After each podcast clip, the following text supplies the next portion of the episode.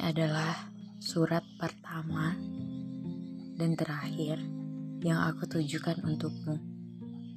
Maaf, sepertinya aku belum sempat berterima kasih setelah dicintai sebegitu besarnya. Dulu, aku juga belum sempat berterima kasih atas apa yang sudah kamu beri dan kamu jaga. Syukurlah, sekarang kamu terlihat baik-baik saja. Aku senang melihatmu hidup dengan baik, bertemu dengan orang baik dan banyak belajar dari sana. Kamu memang berjuang demi mimpimu.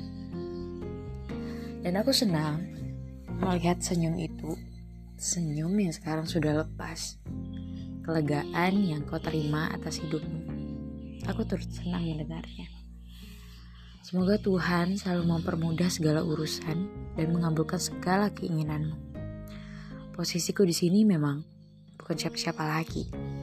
Aku pikir aku hanya rindu, tapi aku rasa tidak. Aku telah berbohong kepada diri sendiri. Aku tidak tahu ini adalah sesuatu kebohongan atau kebodohan terbesar yang kulakukan.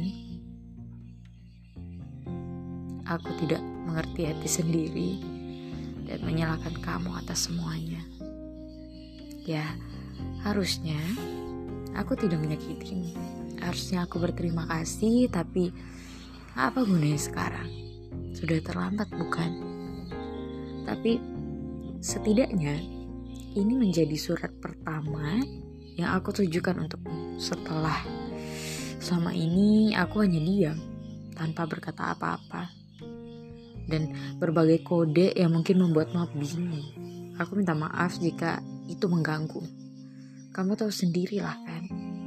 Dan kamu tahu betul aku tidak mungkin mengirim pesan bertanya tentang kabarmu, bagaimana kamu sekarang.